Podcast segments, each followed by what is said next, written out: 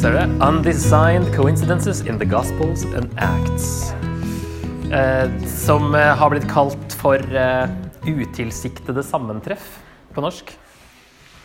For eksempel. Eller eh, troverdige tilfeldigheter, kan det òg kalles. Her tenkte jeg bare å vise litt hvordan eh, Johannes eh, forteller den samme historien som de andre evangeliene. Og at det her, her altså hun, Lydia McGrew har skrevet en bok om dette her, som jeg har hjemme. Ennå ikke fått lest. Men eh, jeg har eh, hørt litt på mannen hennes, og han som først snakka om det. Tim McGrew. Eh, og det er egentlig et gammelt argument fra 1800-tallet eller noe sånt nå.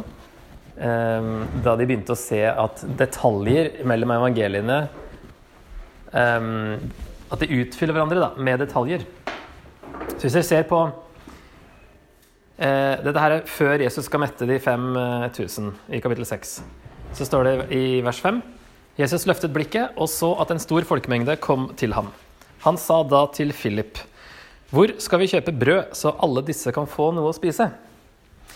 Og da er spørsmålet hvorfor akkurat Philip? Hvorfor spør han akkurat Philip om det? Er det bare fordi Philip sto nærmest? Eller er det en annen grunn? Og så er jo da det her et argument mot at evangeliene er fabrikasjoner, og at det er en konspirasjonsteori. Eh, Fordi hvis man ville finne på en historie, så ville man kanskje ha brukt liksom Peter eller Johannes, da, eller eh, en eller annen litt sånn mer fremtredende fyr. Og så er det plutselig bare Philip. Hvorfor i verden spør Jesus? Philip. Hvis vi ser i Lukas 9,10, så står det at eh, da tok han dem med og trakk seg tilbake bortover mot en by som het Betzaida, for å være alene med dem. Og der skjer da brødunderet. Så da vet vi fra Lukas at de er i nærheten av Betzaida. Ringer det noen flere bjeller? Oi! Han var det. 1,44 Johannes. Philip var fra Betzaida. Den byen Peter og Andreas var fra. Han kunne jo spurt Peter og Andreas også. Men Philip var tydeligvis det. Og eh, de er i nærheten av Betzaida, vet vi fra Lukas. Men det nevner ikke Johannes. Men det er Johannes som nevner at Philip var derfra. Og han Tim McGrew da, som sier at det er lett å finne på en løgn, men du kan ikke få andre med på løgnen din. Og her har liksom da i så fall evangelieforfatterne fått med hverandre da, på å ljuge fælt. Og det virker veldig mm, lite troverdig. Så trolig ingen konspirasjonsteori, men rett og slett sannheten. Og at du da finner Når de hopper over detaljer, så finner du ofte detaljen i et annet evangelium, eller begrunnelsen til hvorfor Jesus sa akkurat det her. F.eks. når de går ned fra fjellet der Jesus har eh, plutselig skinner som hvitt, eh, si, blenda hvitt. Og eh, de går ned, så, så sier Jesus i ene evangeliet at nei, det, nei, det står bare at disiplene Men de sa ingenting om dette til noen. Og så lurer du på hvorfor i all verden ikke, liksom. Det er jo en stor hendelse. Hvorfor skulle du ikke si det til noen? Og så leser vi et annet evangelium der Jesus sier 'ikke si det her til noen'. Men der står det ikke at disiplene verken sa eller sa, ikke sa noe. Der får du ikke vite hvordan disiplene reagerte responderte. Men der har du at Jesus sier 'ikke si noe'. Annet evangelium har med 'de sa ingenting'. Så at de utfyller hverandre med de detaljene. Og det tyder jo veldig på at dette er sannheten, bare. Historie som eh, settes frem, og at eh, der de tar med forskjellige detaljer, og sammen så, så får du alle hele bildet. da. Eh, Når Jesus snakker om at han er livets brød i kapittel 6, så er det da Vi var jo i kapittel 6 nå allerede med eh, brødunderet, som det heter. Og konteksten er eh, påske i vers 4, der de da Det blir også kalt de usyrede brøds høytid, så brød er allerede inne i bildet. Og så er det etter at han metter de 5000. Så det er jo en del brød allerede i konteksten her, når Jesus sier at eh, 'jeg er livets brød'. Um, og det er liksom sterk kost for noen, det her, da. Det Jesus sier etter hvert. At noen vender seg bort fra han og går, står det. Um, både tegnet og talen viser at Jesus er Nytestamentets mann. da. I 6,49 sier Jesus fedrene deres spiste manna i ørkenen, men de døde. Det brødet som kommer ned fra himmelen, er slik at den som spiser av det, ikke dør. Så her lager han en link til mannaen i ørkenen, og her kommer et brød som Han er brødet som eh, man ikke dør etter å ha spist. Og sier videre at 'jeg er det levende brød som er kommet ned fra himmelen'. 'Den som spiser av dette brødet, skal leve til evig tid'. Og det brødet jeg vil gi, er min kropp, som jeg gir til liv for verden. Så Jesus metter fullstendig den åndelige sulten. Um, han sier jo, starter med å si det her med manna da i um, vers uh, 30, 30, ja, 31 også. Våre fedre spiste manna i ørkenen. Slik det står skrevet, brød fra himmelen ga han dem å spise. Jesus svarte, sannelig, sannelig, jeg sier dere, Moses ga dere ikke brødet fra himmelen. Det er min far som gir dere det sanne brødet fra himmelen. Guds brød er det brødet som kommer ned fra himmelen og gir verden liv. Da sa de til ham, Herre, gi oss alltid dette brødet. Jesus svarte, Jeg er livets brød. Den som kommer til meg, skal ikke hungre. Den som tror på meg, skal aldri tørste.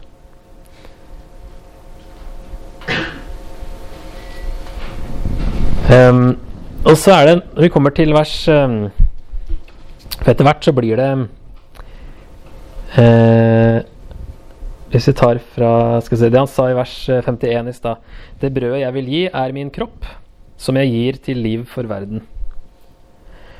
Så står det videre Nå ble det en strid mellom jødene, og de sa Hvordan kan han gi oss sin kropp å spise? Jesus sa da til dem Sannelig, sannelig, jeg sier dere, hvis dere ikke spiser menneskesønnens kropp og drikker hans blod, har dere ikke livet i dere. Men den som spiser min kropp og drikker mitt blod, har evig liv, og jeg skal reise ham opp på den siste dag. For min kropp er sann mat, og mitt blod er sann drikk. Den som spiser min kropp og drikker mitt blod, blir i meg og jeg i ham. Slik den levende Far har sendt meg og jeg lever ved ham, slik skal også den som spiser meg, leve ved meg. Dette er det brødet som er kommet ned fra himmelen, ikke det som fedrene spiste, de som døde. Den som spiser dette brødet, skal leve i all evighet.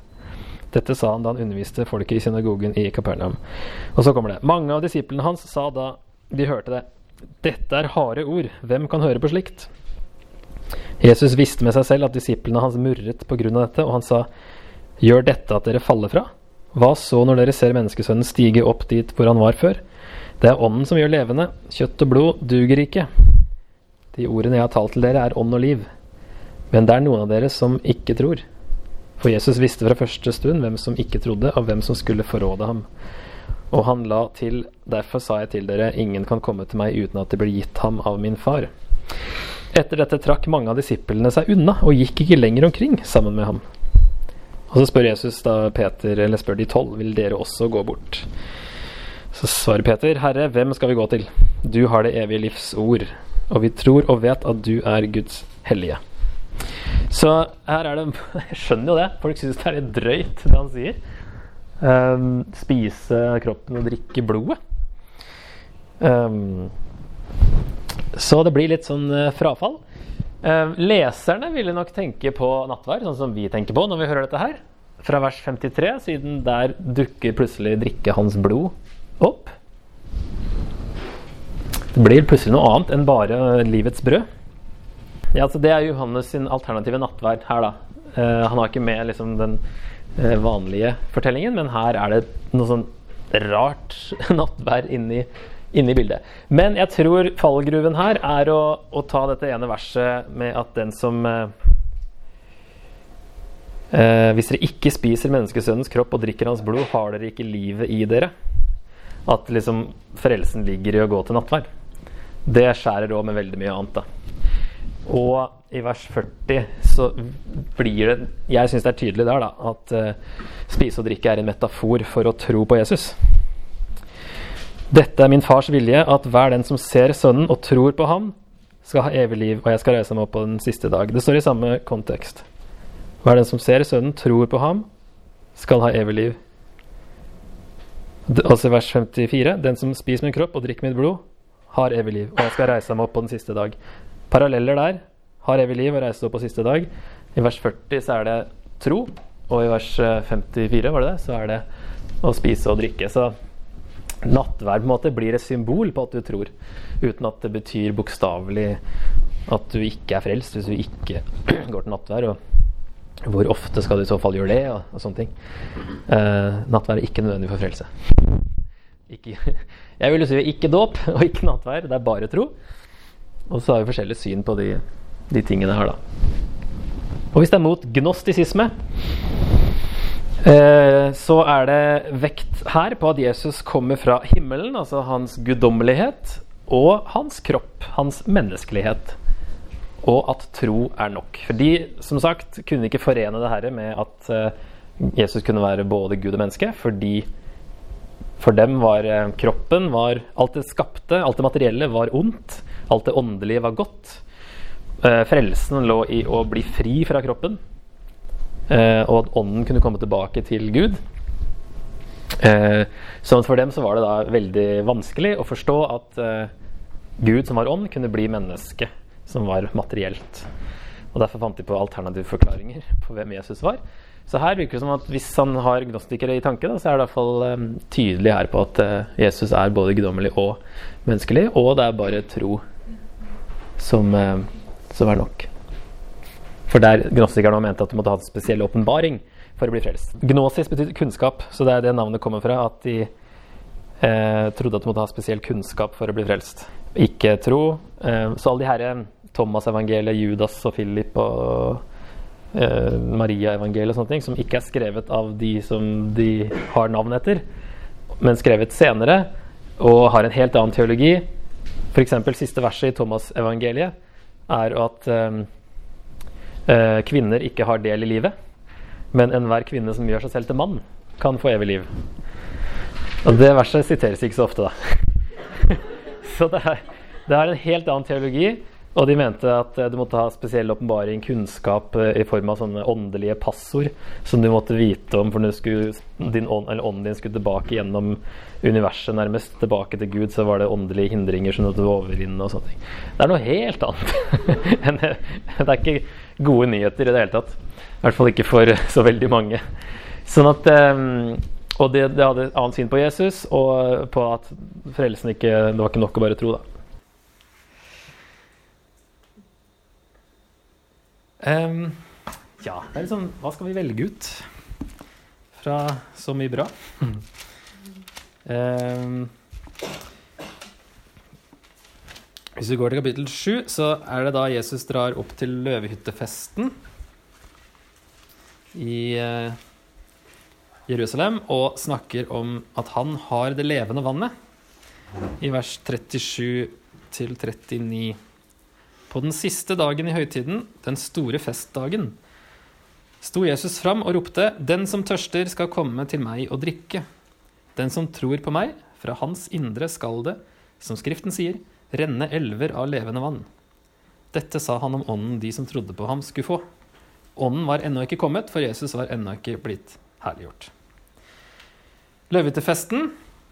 Her er det nyttig med litt sånn bakgrunn på hva de drev med der. Man ba om høstregn og eh, leste fra Zakaria 14 og også Esekiel 47, der det er noen sånne endetidselver. Eh, det kommer noe vann ut av tempelet som blir, i hvert fall Esekiel 47, en liten, sånn bitte liten bekk som kommer ut av tempelet, som blir etter hvert en kjempesvær elv. Samme i Zakaria eh, 14. og Det slutter ofte med mye vann i disse profetbøkene. Og det her eh, symboliserte de da med en prosesjon til Siloam-dammen hver dag for å hente vann, som siden ble helt ut som takkoffer. Gikk de tilbake til, til tempelet og helte det ut.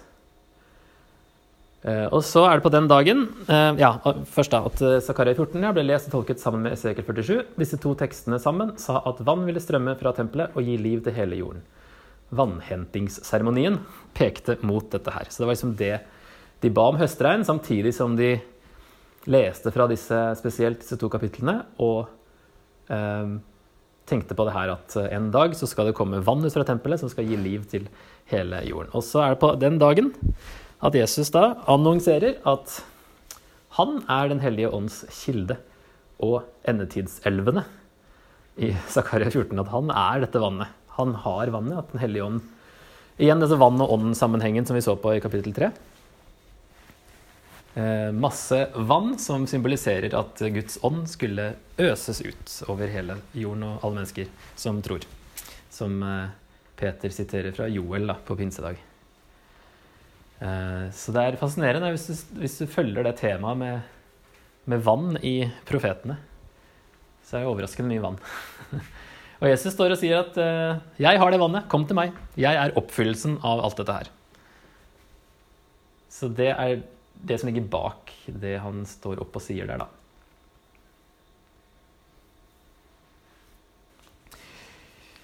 Um, har dere lyst til å snakke om denne historien om kvinnen som ble grepet i ekteskapsbrudd, og at den kanskje ikke var original i uh, det første manuskripter, eller er det sånn man ikke vil snakke om? Riste på hodet og veldig nikke på hodet. Eh, det står jo en fotnote i de aller fleste bibler at 753 eh, til 811 Ordene mangler i de eldste håndskriftene. En gammel overlevering ligger trolig til grunn for avsnittet. Det er greit å vite om, da, sånn rent apologetisk òg. Vi fikk jo det spørsmålet på Grillen kristen på Dragvoll forrige gang. Eh, og da, da tenker liksom folk som stiller spørsmålet, ofte at de liksom skal komme med en overraskelse og ta oss, liksom. Men eh, det er jo ikke noen hemmelighet at eh, det er noen eh, det er jo den her er det lengste avsnittet, i tillegg til slutten av Markus, som det er litt sånn usikkerhet på om var en del av originalen. Det her er nok eh, sannsynligvis en sann historie som man gjerne ville ha med, men visste ikke helt hvor den hørte hjemme. Så derfor finnes den på forskjellige steder i Johannes, og den finnes òg i Lukas, tror jeg. I noen gamle manuskripter. Eh, men så er det da, han endte opp her, da, å, å være her i kapittel 8. Det er jo en veldig fin historie, som da sannsynligvis var sann, men kanskje ikke skrevet av Johannes eller, um, eller akkurat eh, på det stedet. Uh, og det som da i så fall er um, argumentene for det, kan vi jo se litt på. Uh, utelatt av alle de tidligste manuskripter, men sannsynligvis likevel en sann historie. Finnes på forskjellige steder i ulike manuskripter, hovedsakelig i Johannes, men også i Lukas. Så kanskje her den forstyrra minst, hvis du skulle ha den som en del av Johannes. Eh, ting som ikke høres ut som det var Johannes, da, er at han snakker om eh, Oljeberget. Jesus gikk ut til Oljeberget. Og han satte seg og underviste. Det gjør ellers eh, aldri Johannes at Jesus gjør det. Men han gjør jo det i Markus, Matteus og Lukas. At eh, snakker om Oljeberget, og at han satte seg og underviste. Spesielt Matteus. Så er han liksom en sånn lærer som sitter så det er liksom fremmede ord for Johannes. Skriftlærde, vers 3, nevnes heller aldri i Johannes, for han snakker mest om fariseere. Så det er òg sånn plutselig så er de nevnt. Det er òg en sånn rar sak. Eh, og så er det en unaturlig overgang til vers 12, når alle har gått. Så likevel så snakker Jesus til dem. Igjen talte Jesus til folket. Eh, så det er liksom sånn Ok, da må man bare ha gått et sted da, og funnet folket igjen, liksom. Så det er liksom, i hvert fall et lite hopp mellom de versene. Dem lurer på om det kanskje er mer eh, Hva som står i gresken, husker jeg ikke. Om det er folk eller dem. I hvert fall så skal det ikke være noen folk der. Hvis ikke det er de folka rundt, da. At alle de andre um, At de som ville steine, har gått, og hun dama har fått gå. Så er det kanskje han snakker til folket som sto rundt, eventuelt. Uh, og så er det uttrykket 'igjen talte Jesus til dem', som også ser ut til å brukes i Johannes kun om noe som skjer rett etter det forrige i samme samtale, og ikke at det begynner et nytt tema etter at det her har skjedd. Og står det i vers 20 at han, var, han, er ved tempelkisten, hvor det trolig ikke var så mye sand å skrive i, kanskje? Jeg vet ikke. det er iallfall de tingene der man tenker på. Det er noen sånne detaljer som ikke ser at det passer helt her, men det er alltid med i bibler, fordi man det, alle oversettere Jeg tror jeg ikke har funnet en bibel som ikke har det med, fordi man da um, Det er såpass gammel tradisjon på dette her at det sannsynligvis var en sann historie. Og så måtte man finne et sted å putte det inn hvor det forstyrra minst. Um, men det er ikke noe overraskelse at den her har en, en stjerne og en fotnote, og kanskje ikke Eller er ikke med i alle de tidligste manuskriptene vi har, da. Så det var bare sånn. Jeg vet ikke hva dere syns om det. Er det nedtur? det er bare sånn fakta er. Eh, Og de fleste, fall, de fleste oversettelser gjør oppmerksom på at det her er ikke med i de aller eldste, men er i de mange av de yngre. Og så er det litt sånn hva man baserer seg på. Og alle, som sagt, det jeg har sett, velger å ha det med som en del av teksten, men er klar over at det ikke var originalt, kanskje, da. Ok, skal vi gå til noe annet? Tja. Skal vi se på denne konfrontasjonen med jødene? Det er liksom sånn her, her krasjer de skikkelig. Fra vers 31 til slutten av, 5, til slutten av, vers, nei, slutten av kapittel 8. Jeg har liksom oppsummert den her, uh, dialogen her litt. Så vi tar den liksom i kortform her, så kan dere jo lese den senere. Jesus begynner jo med å si at sannheten skal sette dere fri. Hvis dere blir i mitt ord, og dere er dere virkelig mine disipler, da skal dere kjenne sannheten, og sannheten skal gjøre dere fri. Og så reagerer de ved å si at men vi er Abrahams ett og har aldri vært slaver under noen. Så sier Jesus at alle synder og er derfor slaver av synden. Jeg har skåret et åg inni her. Jeg kan sette dere fri fra den. Jeg taler det jeg har sett hos min far, og dere gjør det dere har hørt av deres far. Men vår far er jo Abraham.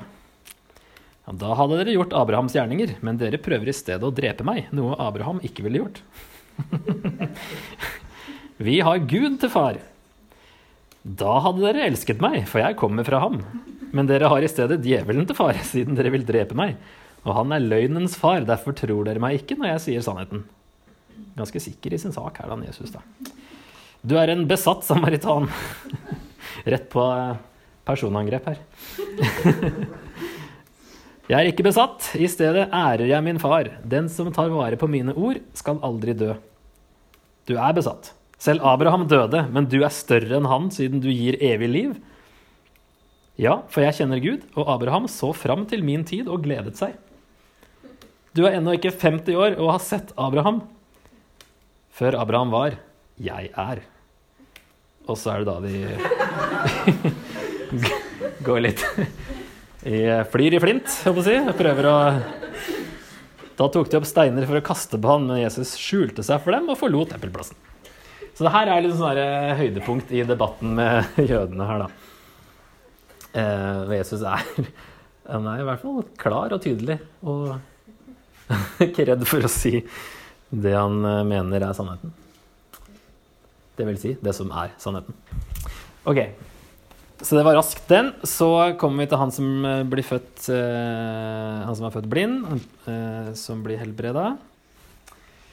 Uh, ja, jeg tenkte egentlig å hoppe til neste 'jeg er', som kommer Eller han, han sier til han herre blindemannen Hva er det han sier til han, da? Jeg er verdens Ok. Så lenge jeg er i verden, er jeg verdens lys, sier han i 9.5. Og så gir han synet tilbake til han mannen her. Så det, jo, det ligger jo noe i det med at han sier 'jeg er verdens lys'. Her kommer et eksempel på Nå skal du få se lys. Nå skal jeg gjøre et konkret uh, mirakel som uh, viser at jeg er verdens lys. En dypere sannhet som ligger bak, men her får vi liksom et, en helbredelse som symboliserer det, da, at Jesus er verdens lys. Men det er liksom ikke den derre uh, kjente 'jeg er verdens lys', for den kom i, tilbake i 8.12. Men det er for så vidt virker som det er i samme setting fortsatt. Da, Jesus kom gående, så han en mann som var født blind. Det kan jo være rett etter han har sagt det her jeg er verdens lys, og så kommer han blinde. og så ok, Så lenge jeg er i verden, er jeg verdens lys.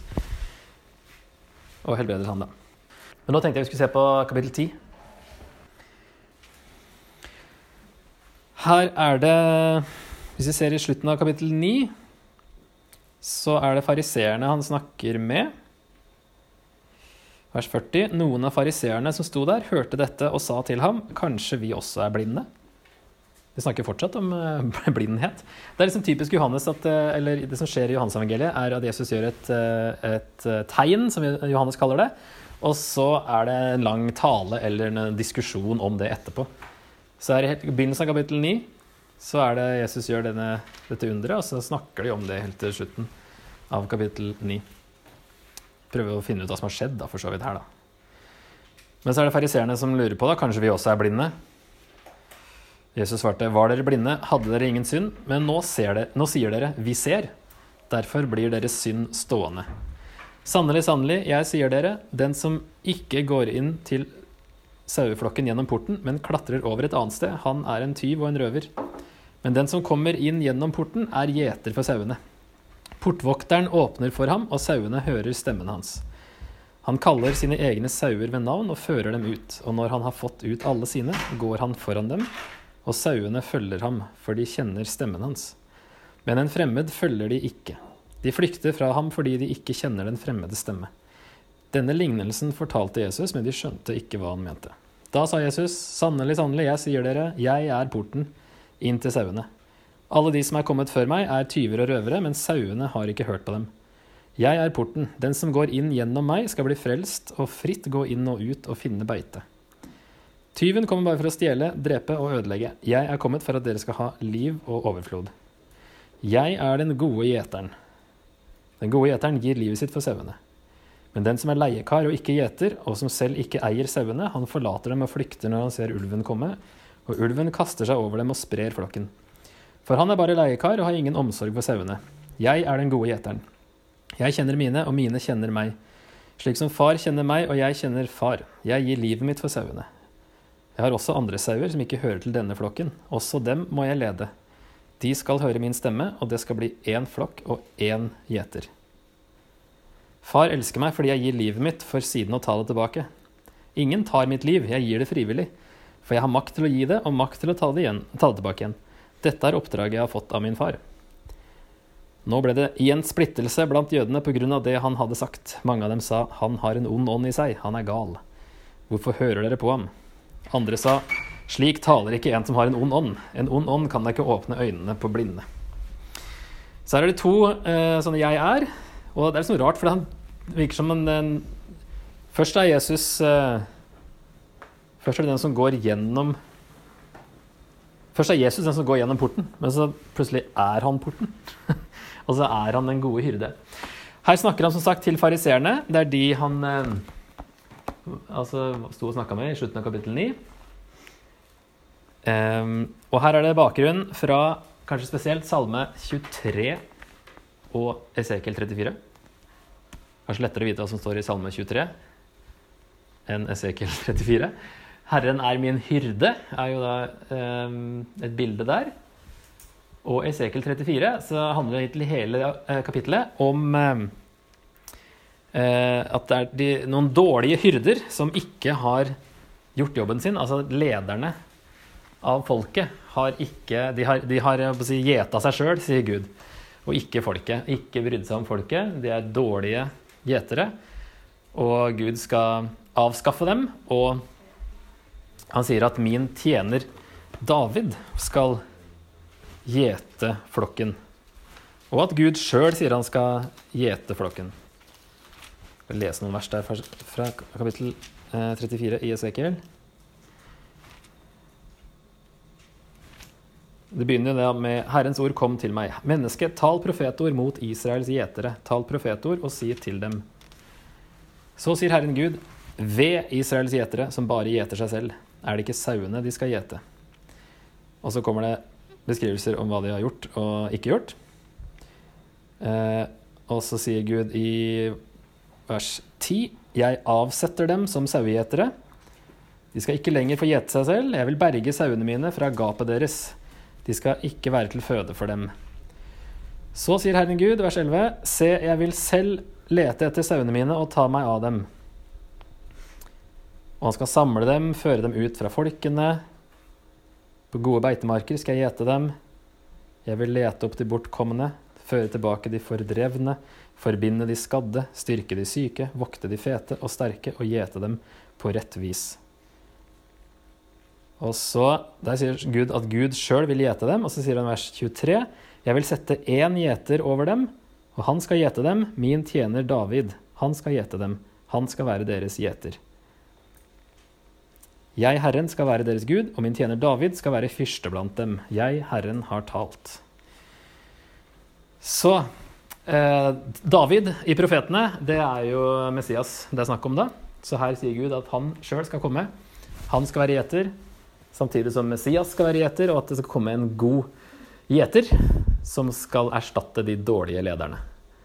Så her er det på en måte et nytt, dårlig lederskap. Det er fariseerne. Jesus kaller dem for tyver og røver og fremmede. Som er da de nye, dårlige hyrdene fra Esekiel 34. Kontrasten er Jesus, som går gjennom porten, og som selv er porten, og som er den gode hyrden. Spesielt det vers 23 som vi leste. Så for leserne til Johannes så vil det være en oppmuntring om at jødene tar feil. Motstanderne, jødene, som er jo da det som debatten går mellom her. Jesus, de kristne og jødene.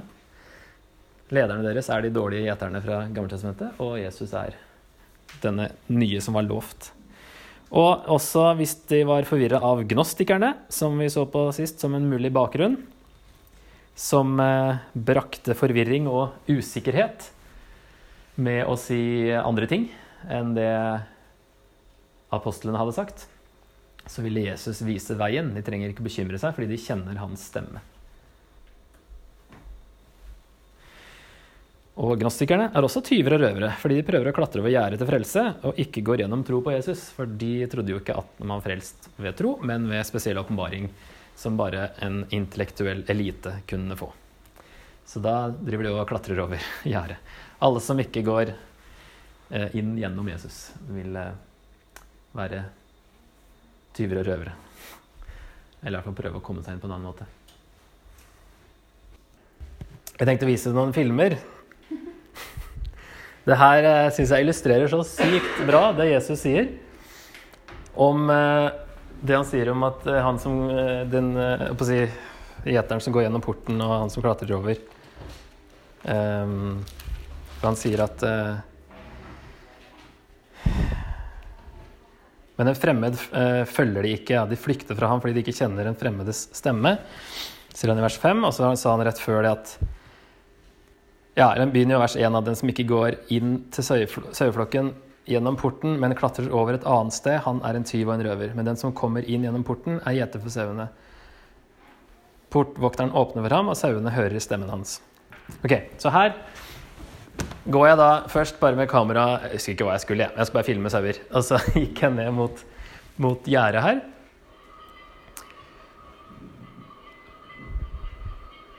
Det så ser du da bare hva som skjer, for det Kommer jeg liksom mot gjerdet, det er uh, farlig. Og så Der er loven, ikke sant. Så går jeg bare opp 30 sekunder opp til porten inn til sauene. Og så har jeg gått inn porten her, da, på andre klippet. Og det er, det er de samme sauene som akkurat har løpt bort hit. Som nå, når jeg kommer inn porten og går mot dem, så er det helt motsatt reaksjon. Bare fordi jeg kom inn under porten. Så tar det helt av. Akkurat samme klær på. Alt er likt. Utrolig fascinerende. Så det forte meg ut og lukke porten før alle stikker av. Ja da. Så det sauebildet er fascinerende. Men her er det i hvert fall veldig tydelig at det har noe å si å komme gjennom porten. og Jesus som både er porten og går inn i porten, og at sauene da kjenner den som kommer inn.